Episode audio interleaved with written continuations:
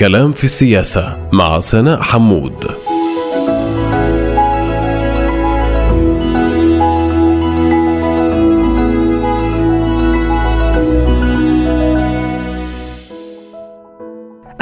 ومرحبا بكم مستمعاتنا ومستمعينا الكرام في حلقة جديدة من بودكاست كلام في السياسة الذي سنتناول في اطاره تحليلات معمقة بمنظور أوسع حول قضية هامة أو شخصية مفصلية تركت وقعها وأدت إلى تحولات لافتة في المشهد السياسي.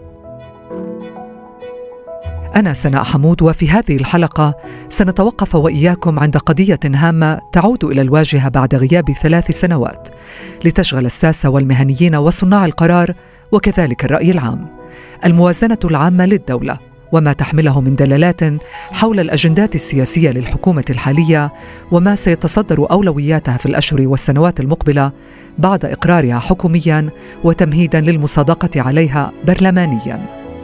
لتعود وإياها النقاشات المحتدمة ومعها تضارب الأنباء والآراء بشأن بنودها وتقسيم الميزانيه فيها. وتحديدا تلك المتعلقة بحصة المجتمع العربي في إطارها. ففي حين تعتبره القائمة الموحدة إنجازا تاريخيا يرونه في المشتركة استكمالا لما أنجزته هي من موقعها بالمعارضة في الحكومات السابقة. موضوع حلقة اليوم من كلام في السياسة الموازنة العامة للدولة وحصة المجتمع العربي فيها إنجازا تاريخيا أم استكمالا لما كان قراءة في التفاصيل والدلالات الاقتصادية والاعتبارات السياسية التي تلعب دورا في ترجمتها وفرص تطبيقها على أرض الواقع. ولفهم هذه القضية ببعديها الاقتصادي والسياسي، يسعدني أن أرحب في هذا الحوار بالباحث في مجال الاقتصاد السياسي والمحاضر في جامعة تل أبيب وجامعة أكسفورد ومدير عام المنتدى الاقتصادي العربي دكتور سامي معاري. أهلا ومرحبا بك. مرحبا لجميع المستمعين والمستمعات. ولكن قبل المباشرة في حوارنا لنستمع إلى هذه الصوتية فنتابع الخطة الحالية التي صودك عليها في الحكومة هي خطة عامة هي ليست خطة تفصيلية. الخطة الحالية التي ستكون من خلال سلطة التطوير ووزارة المساواة الاجتماعية ستحمل اسم آخر نهائيا لن تكون خطة استكمالية لأي خطة. هي خطة انعطافة لسد الفجوات وتطوير المجتمع العربي وهي تحمل كل المبالغ التي تم الاتفاق عليها. لا يمكن لأي واحد بالقوى المشتركه أن يصوت مع هذا هو موقفنا. يعني أنتم بدكم نصوت مع ارتفاع سعر الكهرباء. هذا مش معناته إنه كل بيت بده يدفع زيادة. هذا أقل شيء هذا معناته المصانع بدها تدفع كهرباء أكثر. يعني بدها تزيد سعر. عمليا منتوجاتها ستصل المنتوجات إلينا أغلى وأغلى. يعني عمليا رفع سعر الكهرباء هو رافع سعر السوق برمته. بالإضافة إلى الوقود بالإضافة إلى جيل التقاعد وغيرها من ضربات اقتصادية. لا يمكن أن نكون مع هذا. لو نبدأ حوارنا بشرح مقتضب عن الموازنة العامة للدولة بداية وما أهميتها من وجهة نظرك؟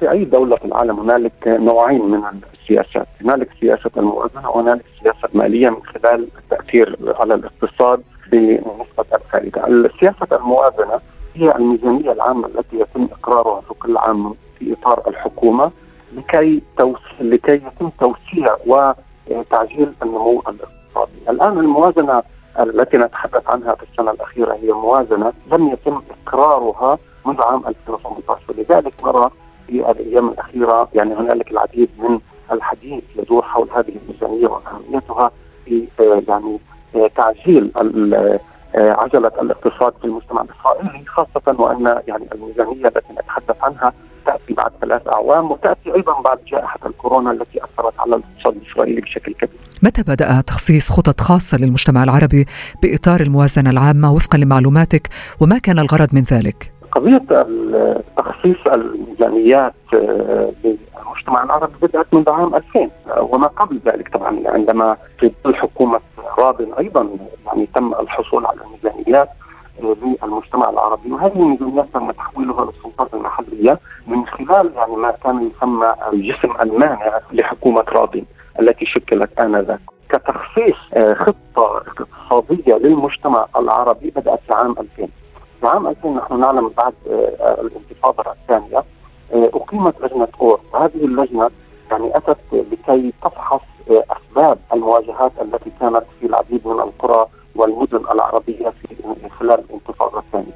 ومن خلال النتائج التي توصلت إليها لجنة اور أن المجتمع العربي يعيش ضمن سياسة آه، حكومية ممنهجة آه، التي يعني من خلالها يتم إقصاء المجتمع العربي هنالك تمييز ضد المجتمع العربي والمواطن العربي. ولذلك خصص ما يقارب الخمس مليارات شيكل للمجتمع العربي من أجل سد الفجوات نحن نعلم أن هذه الميزانية كانت قليلة جدا وبالتالي عندما تم مراقبة هذه الميزانية يعني توصلنا إلى أن الميزانية لم تطبق حتى في ربع المبلغ الذي تم إقراره في عام 2000 في عام 2008 هنالك أيضا خطة خمسية بخمس مليارات شيكل.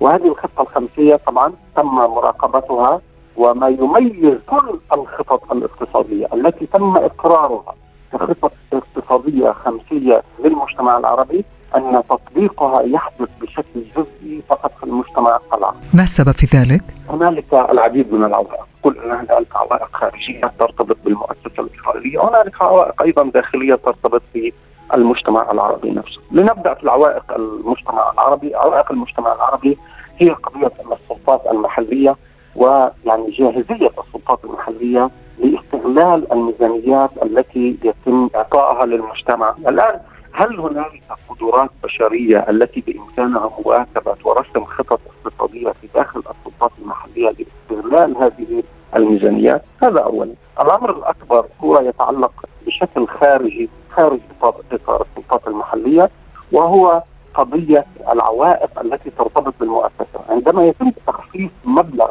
لبناء مدرسة على سبيل المثال أو بناء مؤسسة عامة في المجتمع العربي، يجب أن يكون هنالك تواصل مع العديد من المؤسسات، القضية ليست مالية فقط، القضية ليست رصد ميزانيات، القضية أيضا تحرير على سبيل المثال أراضي من دائرة أراضي إسرائيل، وعندما تتواجد المعيقات السياسية في هذه المؤسسات التي لا تحرر الاراضي ولا تتعامل مع السلطة المحلية العربية كما تتعامل مع السلطة المحلية اليهودية، إذا لا يتم استغلال الميزانيات من قبل السلطات المحلية العربية. سنتوقف عند قضية المعيقات بشكل موسع أكثر بعد قليل ولكن لو توقفنا الآن عند الموازنة العامة الأخيرة التي أقرت في حكومة بنت لبيد مؤخرا بعد غياب نعم. ثلاث سنوات، كيف كنت تقيمها من وجهة نظرك المهنية وما الذي يستدل من بنودها؟ الميزانيه العامة الإسرائيلية هي آه، ميزانيه آه، شمولية ويعني باعتقادي أنها تشمل العديد من البنود والعديد من المجالات، اولا أن الميزانيه هذه لعام 2021 آه، توصل العجز فيها إلى 6.8% وفي عام 2022 مبلغ الميزانيه يعني يصل إلى 452 مليار شيكل، العجز يصل إلى ما يقارب ال 4% أو 30.9%. الان هذا العجز الذي نتحدث عنه هو ليس كبير جدا وأعتقادي يعني اذا قارنا هذا العجز في دول العالم المتقدمة في منظمه التعاون الاقتصادي هذا لا يخيفنا.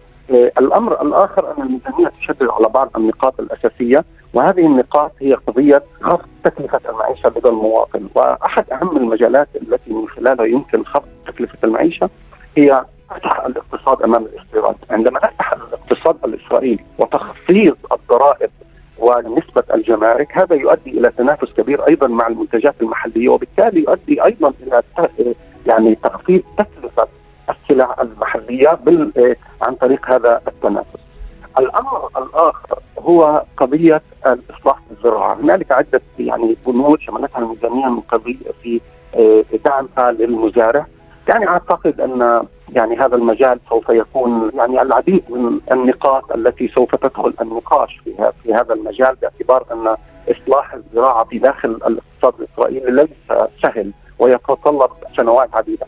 الأمر الآخر هي قضية التكنولوجيا والتحسين تكنولوجيا المعلومات من خلال الميزانية، فالميزانيه أيضا يعني تتطرق إلى تحسين التعليمات التنظيمية آه التي من خلالها يمكن تحسين الإنتاجية في داخل المصانع والمؤسسات والشركات وتعزيز ما يسمى التنظيم الذكي. وهذا أيضا مهم جدا أعتقد يساهم أيضا في زيادة إنتاجية العامل. الخدمات المصرفية المفتوحة أيضا يعني هي موجودة في الميزانية وحاضرة بشكل كبير جدا. الأمر الآخر الذي أزعجني في الميزانية هي قضية رفع سن التقاعد عند النساء. هذا تحديدا و... ما اردت سؤالك عنه لأن القائمة المشتركة انتقدت هذه الموازنة العامة قائلة بأن فيها الكثير من البنود الإشكالية ربما أبرزها كانت قضية رفع أسعار الكهرباء والوقود وطبعا ما يترتب عليها من رفع أسعار الخدمات والمنتجات وكذلك بأن نصف الميزانية رصدت للأمن وتعزيز الاستيطان وأشاروا كذلك لما ذكرت الآن إشكالية رفع جيل التقاعد للنساء، هل تتفق مع هذا الموقف؟ اولا الميزانية يعني لا نتحدث إنه الميزانية هي ميزانية آه، مقلصة. التقليص بالميزانية هو أفقي في ميزانيات جميع الوزارات بنسبة 1.5% على سبيل المثال يعني ميزانية وزارة الأمن الداخلي تم تقليلها بمبلغ وصل إلى 300 مليون شيكل. حتى وزارة التربية والتعليم وميزانيتها تم أيضا تقليلها بواحد مليار شيكل هذا يعني أن الميزانية هذه يجب أن تتلائم مع العجز الموجود في ميزانية الدولة. وبالتالي نرى أن هنالك بعض البنود كما ذكرت القائمه المشتركة لن تتلائم مع خطة انعاش الاقتصاد الإسرائيلي.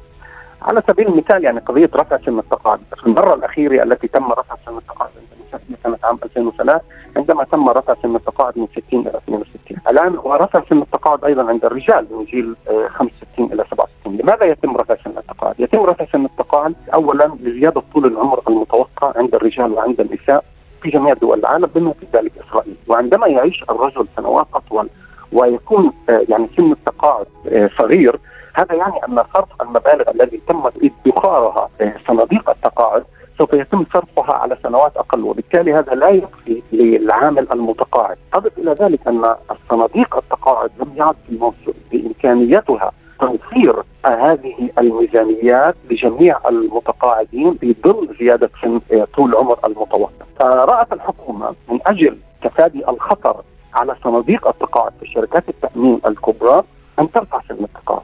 اولا رفع سن التقاعد هذا إيجابي في ظل الأبحاث التي تتحدث على أن زيادة رفع سن التقاعد يؤدي أيضا على فكرة زيادة متوسط العمر المتوقع لحياة صحية لأن العمل يؤثر بشكل الاعمال الجسدية والعقلية. وبالتالي يعني عندما يكون هنالك نشاط بدني ونشاط أيضا معرفي يؤدي بالتالي إلى حياة صحية أكبر. ولكن يجب أن يكون رفع سن التقاعد يتلائم مع الواقع الاقتصادي والأنشطة الاقتصادية والفروع الاقتصادية التي يعمل بها النساء العربيات واليهوديات في الاقتصاد الإسرائيلي، إذا ما نظرنا إلى رفع سن التقاعد فهو لا يتلائم. على سبيل المثال 32% من النساء العربيات يعملن مجال التمريض والتدريس وهنالك ظاهرة التي اكتشفناها من خلال الأبحاث الأخيرة التي آه، رأينا أن سن التقاعد في هذه في مجال الرعاية والتمريض والتدريس هو في جيل يبدأ في جيل 50 عند النساء العربيات وأيضا في جيل 55 عند النساء اليهوديات وتحولت هذه المجالات أو هذه الفروع الاقتصادية إلى أكثر فروع يتم التقاعد بها في جيل مبكر لا يمكن الحديث عن رفع سن التقاعد بشكل أحادي لجميع الفروع الاقتصادية وإنما رفع سن التقاعد يجب أن يكون تفاضلي حسب المهنة والوظيفة. لنعود وإياك لمسألتي رفع أسعار الكهرباء وكذلك رصد نصف الميزانية للأمن وتعزيز الاستيطان التي انتقدتها كذلك المشتركة، ما رأيك بهذه القضية؟ هل هذه المعلومات دقيقة وكذلك هي مآخذ على هذه الموازنة العامة باعتقادك؟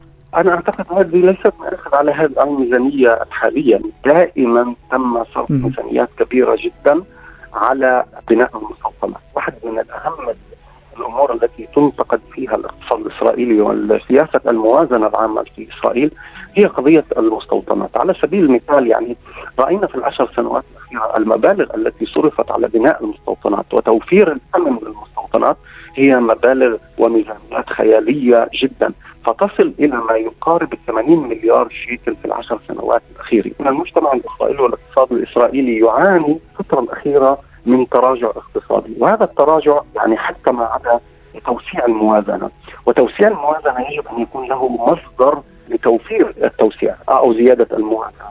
الآن من أين يتم توفير الموازنة؟ هنالك ثلاث إمكانيات في مجال الاقتصاد لتوفير زيادة الموازنة في فترة الركود والتراجع الاقتصادي. الإمكانية الأولى وهي إمكانية الاقتراض، الاقتراض بمعنى أن الحكومة تتوجه إلى بنك إسرائيل ويتم الاقتراض بنسبة فائده مصرفية آه، ثابتة آه، التي يتم إقرارها من خلال من خلال بنك إسرائيل. الآن هذه الإمكانية خطيرة جدا في ظل العجز القائم في الدولة وفي ظل أن الاقتراض في هذه الفترة سوف يرفع آه، مكانة إسرائيل أو تدريج إسرائيل من قبل شركات الائتمان العالمية وهذا يؤدي إلى ارتفاع نسبة الفائدة المصرفية وبالتالي هذا ليس جيد لأن سياسة ذكرنا سابقا أن الدولة في ظل أزمة اقتصادية يجب أن تتبع نوعين من السياسة سياسة توسيع الموازنة والسياسة المالية. والسياسة المالية هي إبقاء الاقتصاد الإسرائيلي على نسبة فائدة مصرفية منخفضة لأن إبقاء نسبة فائدة مصرفية منخفضة يؤدي إلى زيادة الاستهلاك وتقليل الادخار وعندما يزيد الاستهلاك يؤدي إلى طبعا زيادة آه، الإنتاج نعم. وزيادة العمالة في المجتمع الإسرائيلي. الآن هذه الإمكانية إمكانية توسيع الموازنة من خلال الاقتراض ليست موجودة. الإمكانية الثانية هي تقليل ميزانية الدولة في مجالات التي لا تساهم النمو الاقتصادي. هناك العديد من المجالات التي الدولة استطاعتها تخفيض الموازنة التي لا تضر على سبيل المثال في النمو الاقتصادي. أكبر مثال على ذلك هي المستوطنات 80 مليار شيكل خلال 10 سنوات يتم إنفاقها على المستوطنات التي لا تساهم بل على العكس من ذلك هي تؤدي إلى تراجع اقتصادي بغض النظر عن البعد القومي والسياسي لموضوع المستوطنات والإحتلال طبعا للأراضي الفلسطينية.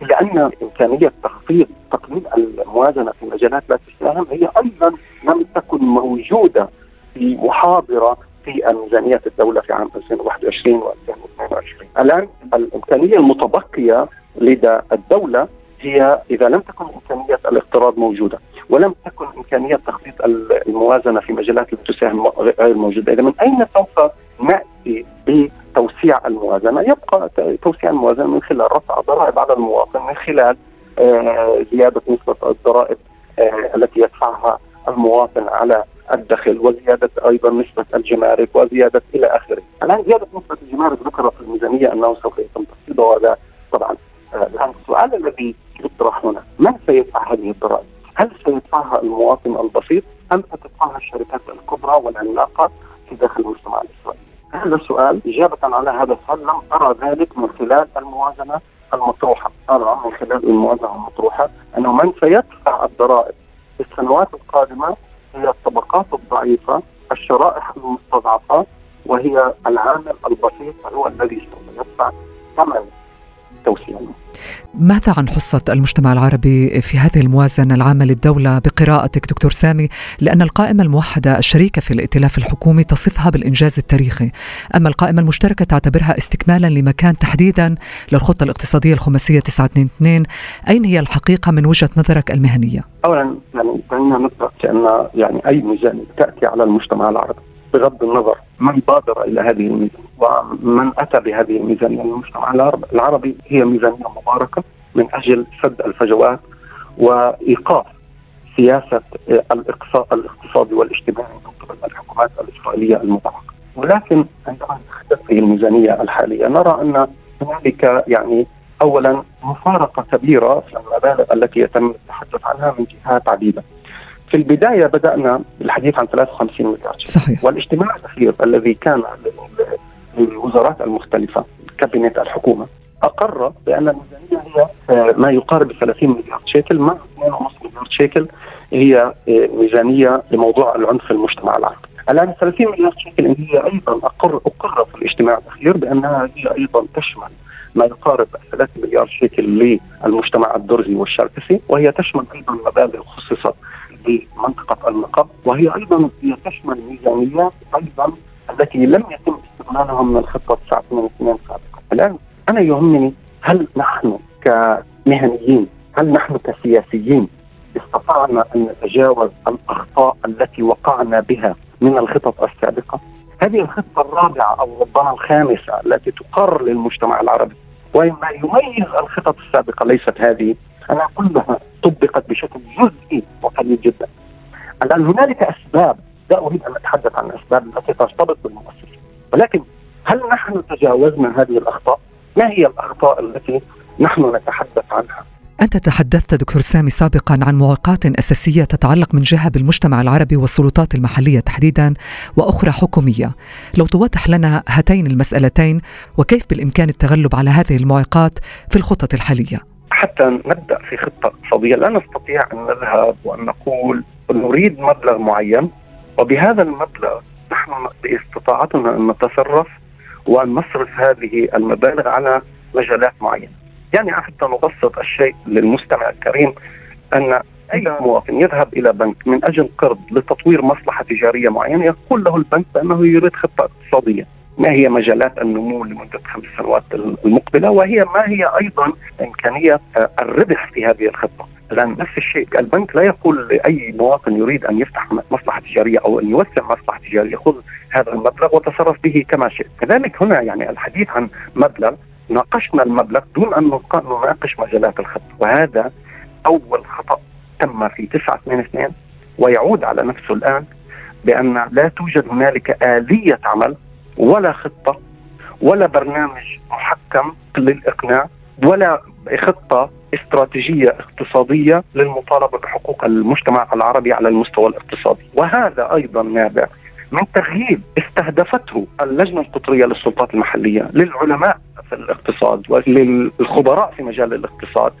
وعدنا على نفس الخطأ أن تذهب سلطة التطوير الاقتصادي لشركة قطاع خاص في بريطانيا وتقول لها إذا كان هنالك إمكانية لكتابة خطة اقتصادية بعد أن أقر المبلغ نحن لا نشتغل بهذه الطريقة نحن نقول أن ندرس احتياجات المجتمع العربي على جميع المستويات والمجالات ومن ثم نذهب إلى الوزارات ونذهب إلى وزارة المالية وخزينة الدولة ونقول نحن بحاجة إلى هذا المبلغ.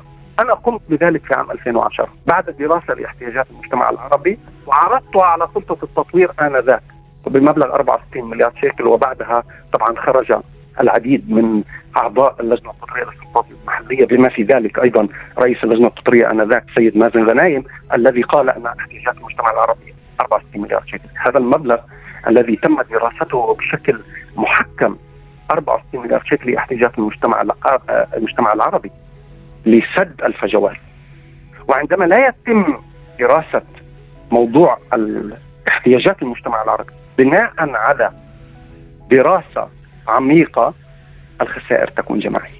الخطأ الثاني في 922 ويعود على نفسه في خطة 922 المكملة هو أن لم يكن هنالك مجموعات يعني عمل مهنية التي تم تحضيرها قبل إقرار الخطة.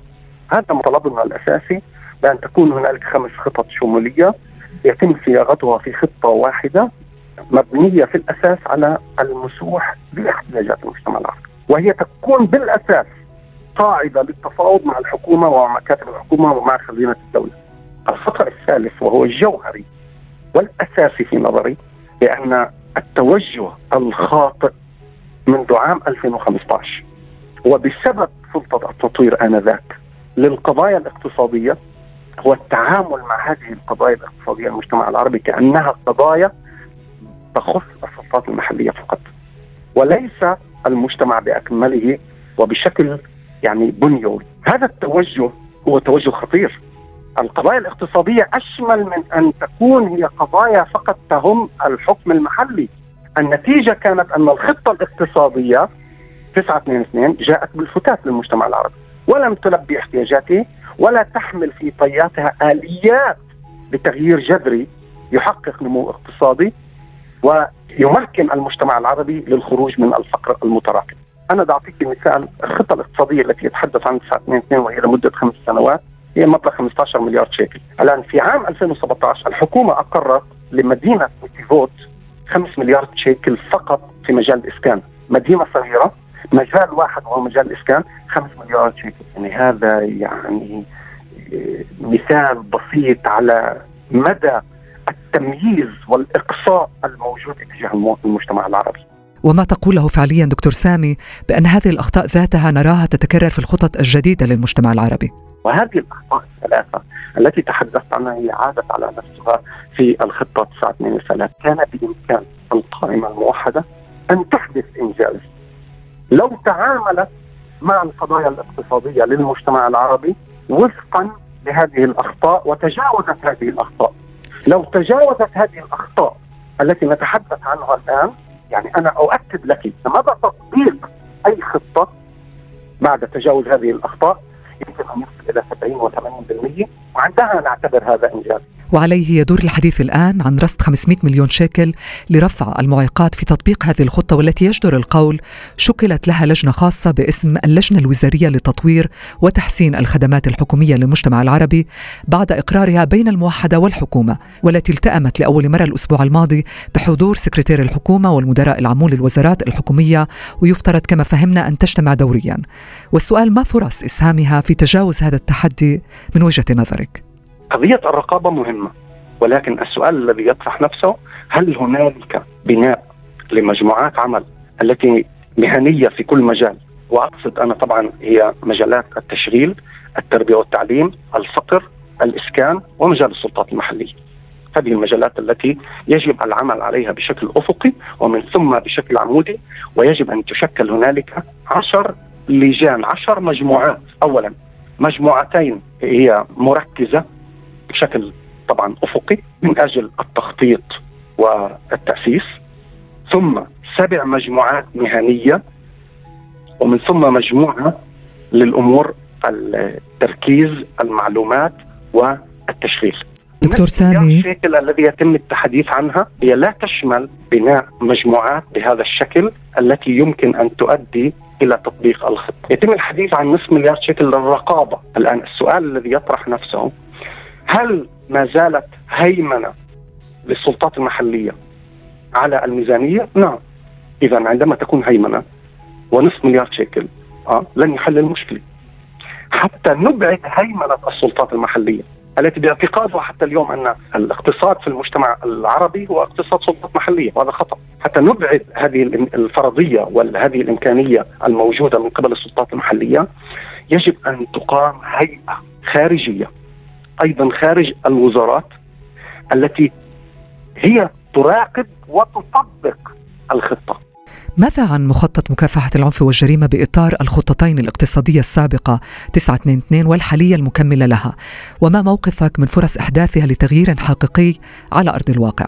922 أقرت هي أيضا وجود ميزانيات لمعالجة العنف. أنا أسأل كيف يمكن لخطة اقتصادية أن تشمل مجال العنف؟ لماذا تشمل بند من أجل حل مشكلة العنف في المجتمع العربي؟ لماذا لا يكون خطة آنذاك طبعا أنا أقول خطة أخرى من أجل معالجة هذه المشكلة الأساسية والمركزية في المجتمع العربي؟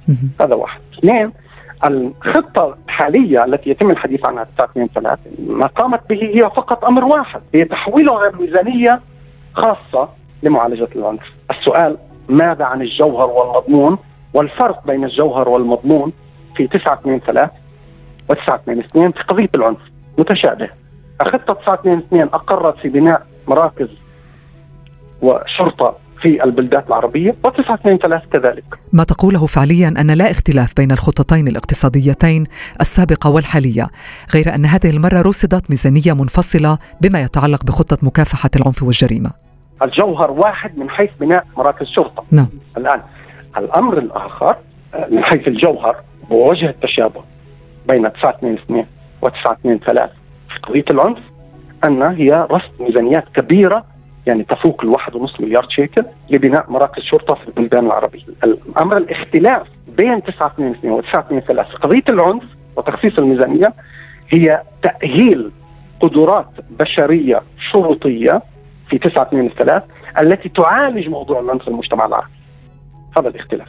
رفع جودة الشرطة في التي تهتم في قضايا العنف في المجتمع العربي من خلال 923 وبالرغم من ذلك دعنا نتوقف عند الإنجازات التي نتجت بنهاية المطاف عن الخطة الاقتصادية السابقة 922 وما أبرزها.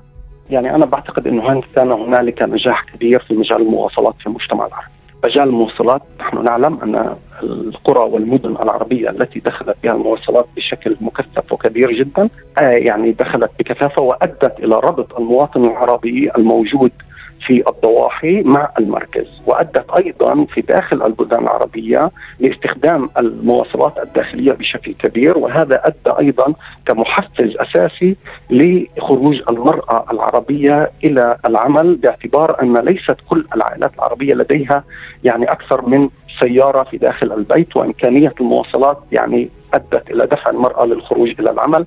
أعتقد أن مجال التشغيل كان يعني حاضر بشكل كبير جدا وطبعا هنالك العديد من المالية التي رصدت إلى مجال التشغيل لكن إن مجال التشغيل يتم أحيانا وجود بلبلة كبيرة في قضية أن هل الخطة الاقتصادية أدت إلى زيادة التشغيل أم هنالك أمر آخر وهي قضية رفع الوعي عند العائلات العربية منذ منتصف سنوات التسعين الذي أدى إلى تعليم الأولاد وذهاب الأولاد إلى الكليات وإلى الجامعات وإمكانية آه، التعلم في, في الأردن والسلطة الفلسطينية وإلى آخره نعم. هو من أدى إلى طبعا زيادة التشغيل أنا أقول لك أن زيادة التشغيل في المجتمع العربي هي حاضرة منذ عام 2000 بسبب زيادة نسبة التعليم والمتعلمين والمتعلمات في المجتمع العربي وهي ليست وليدة خطط اقتصادية إنما هي وليدة لزيادة الوعي عند العائلات العربية الذي أتمنى أن يستمر هذا الوعي لسد الفجوة من حيث سنوات الدراسة بين المجتمع العربي والمجتمع آه، اليهودي.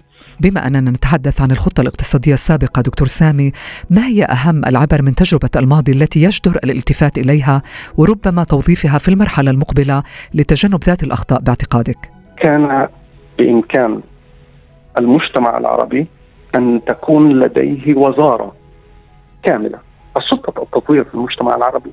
أنا كنت أنظر إليها وأحد الناس وأحد الأشخاص الذين يعني كانت لديهم الفرحة بإنشاء سلطة التطوير الاقتصادي للمجتمع العربي. وهذه سلطة التطوير هي كانت من أهم الفرص بسبب ضغط منظمة التعاون الاقتصادي أو إي سي دي آنذاك. نحن كمجتمع عربي لم نستغل للأسف الشديد إمكانية وجود سلطة التطوير وأتمنى أن الآن أشاهد بعض التغييرات التي تحدث الآن في سلطة التطوير هذه التطورات إيجابية جدا لمأسسة وعمل سلطة التطوير. هذه سلطة التطوير أنا باعتقادي آنذاك وليس اليوم، أنا لا أريد أتحدث عن سلطة التطوير باعتباري لأن أرى العديد من التغيرات الإيجابية اليوم. سلطة التطوير آنذاك أخفقت في العديد من المجالات ولو أنها لم تخفق في العديد من المجالات لكان بإمكان أن يكون لديها قدرة على التأثير وقدرة على تطوير المجتمع العربي من خلال القدرات البشرية الموجودة في المجتمع العربي. أنا أريد أن أذكر لك فقط ثلاث تقارير لمراقب الدولة على اداء سلطه التطوير من 2008 إلى 2018 أعتقد قبل التغيير الذي حدث أخيرا مؤخرا يعني. في عام 2012 يكتب مراقب الدولة عن سلطة التطوير أنها لم لا تكن لديها القدرة أن تحقق الأهداف وفقا للقرارات التي تتخذها لجنة التوجيه.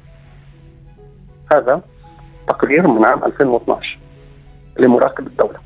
تقرير آخر لمراقب الدولة من عام 2014 هنالك تأخير كبير جدا في تطبيق الخطط الاقتصادية الخمسية التابعة للمجتمع العربي منذ عام 2010 و2014 وهو نابع بالأساس من عدم وجود رقابة وإمكانية لتحقيق أهداف التي وضعت لسلطة التطوير وللخطط الاقتصادية. تقرير آخر. لعام 2016 أن تأخير كبير جدا في تطبيق الخطط الاقتصادية وخاصة في مجال رفع دخل الفرد في المجتمع العربي وتأجيل تطبيق هذه الإمكانية يعني ماذا يقول مراقب الدولة؟ لجنة التوجيه الخاصة لمراقبة عمل سلطة التطوير لم تجتمع أبدا. لم تجتمع. هذا ما يقوله مراقب الدولة. لماذا لا يتم تناول هذه التقارير من قبل السياسيين والمؤسسات المجتمع المدني في المجتمع العربي؟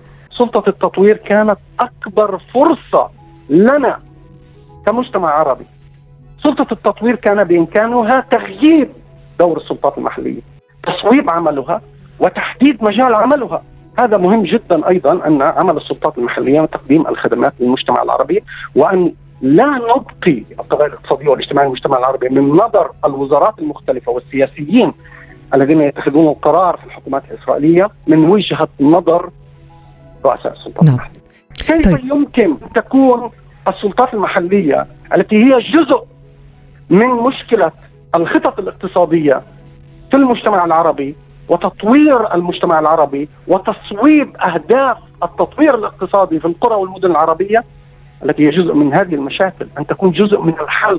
أود أن أخذك الآن إلى نقطة أخرى. بالنظر إلى كون هذه الخطط الاقتصادية ممتدة لسنوات بعضها خمسية وأخرى عشرية لابد من السؤال فيما إذا كان ذلك أمرا متبعا في هكذا خطط وهل من ضامن الالتزام بها وتطبيقها الفعلي في هذه السنوات؟ بالنظر إلى أن حكومات تتبدل خلالها. أولا لا يوجد أي ضمان. طبعا لا يوجد أي ضمان. لم يكن هنالك أي ضمان لتطبيق الخطة بعد يعني تقرير لجنة أور في عام 2000 ولم يكن هنالك طبعا في 2008 بالخطة الخمسية ولم يكن هنالك في 982 ولن يكون في الخطة القادمة 923 لأن تطبق الخطة بشكل كامل. ولو كان هنالك ضمان لهذا الأمر لكان ضمان أيضا في 922 في موضوع تحديد الميزانيات في مجال البناء والإسكان. وكان نحن نعلم من أكثر المجالات التي كانت فيها معيقات وأكثر المجالات التي لم يتم صرف الميزانيات فيها هي قضية البناء والإسكان، لا يوجد أي ضمان لا على المستوى تركيبة الحكومة والائتلاف الحكومي ولا على مستوى ميزانية الدولة. أنا أريد أن أعطيك مثال. 300 مليون شيكل في خطة عام 2000 تم رصدها للمجتمع العربي لبناء محطات رعايه الأم والطفل في المجتمع العربي. عام 2000 في نهاية عام 2000 يتضح أن فقط ثلاث أو أربع سلطات محلية توجهت لوزارة المالية لرصد هذه الميزانيات. تم التوجه آنذاك لوزارة المالية لإمكانية تخصيص الميزانية أو نقلها لعام 2001 ولكن للأسف الشديد تم رفض هذا الشيء حتى ميزانية أن تحول إلى عام 2001 أو 2002 لإعطاء إمكانية استغلالها من قبل السلطات المحلية. بسؤال أخير دكتور سامي وبالنظر إلى السياق التاريخي الذي تحدثت عنه والتمييز المتجذر لحكومات إسرائيل المتعاقبة تجاه المجتمع العربي، كيف يمكن النظر إلى هذه الخطط بسياقها الأشمل وما المطلوب فعليا لسد الحاجات وتقليص الفجوات بين المجتمعين المستمر منذ أكثر من سبعة عقود باعتقادك؟ نحن يعني نتحدث عن خطط اقتصادية التي من شأنها سد الفجوات بين المجتمع العربي والمجتمع اليهودي ما يميز الخطط هذه أن بالأساس هي لا تربط الموضوع السياسي بالموضوع الاقتصادي للمجتمع العربي. الواقع السياسي والقومي للمجتمع العربي وارتباطه بموضوع الأرض أحد أهم المركبات التي تؤدي إلى الإنتاج ووجود الثروات الطبيعية التي تم استغلالها أكثر من 73 عام. وعندما يقول لنا حددنا لكم وأعطيناكم وبنينا خطة اقتصادية وكأنه يمنون على المجتمع العربي. عندما نتحدث عن آه، إيجابيات وتحليل واقع الموازنة الحالية ومقارنتها بالسابقة نحن نتحدث بلغة المهنية. نحن نتحدث بعيدا عن الانتماءات السياسية وبعيدا عن تحديد النوايا لأي عضو كنيست لأني قلت دائما أن أي عضو كنيست لو كان لديه الإمكانية لموارد مالية من أجل صرفها على المجتمع العربي لن يتأخر ثانية واحدة ولكن المشكلة هي مشكلة موجودة في المؤسسة في تحديد هذه الموارد وإعطاء هذه الإمكانيات والموارد للمجتمع العربي ولكن يقف علينا أن نحضر إلى خطط اقتصادية مهنية التي من شأنها أن يعني تخرج بنتائج ونتاج جماعي للجماهير العربية. وبهذه الرسالة الهامة اسمح لي أن أشكرك جزيل الشكر الباحث في مجال الاقتصاد السياسي والمحاضر في جامعتي تل أبيب وأكسفورد ومدير عام المنتدى الاقتصادي العربي دكتور سامي معاري على هذا الحوار الخاص. شكرا. كان هذا كلام في السياسة. شكرا لكم مستمعاتنا ومستمعينا الكرام على حسن الاستماع. أطيب التحيات لكم أينما كنتم. دمتم بكل خير. كلام في السياسة مع سناء حمود.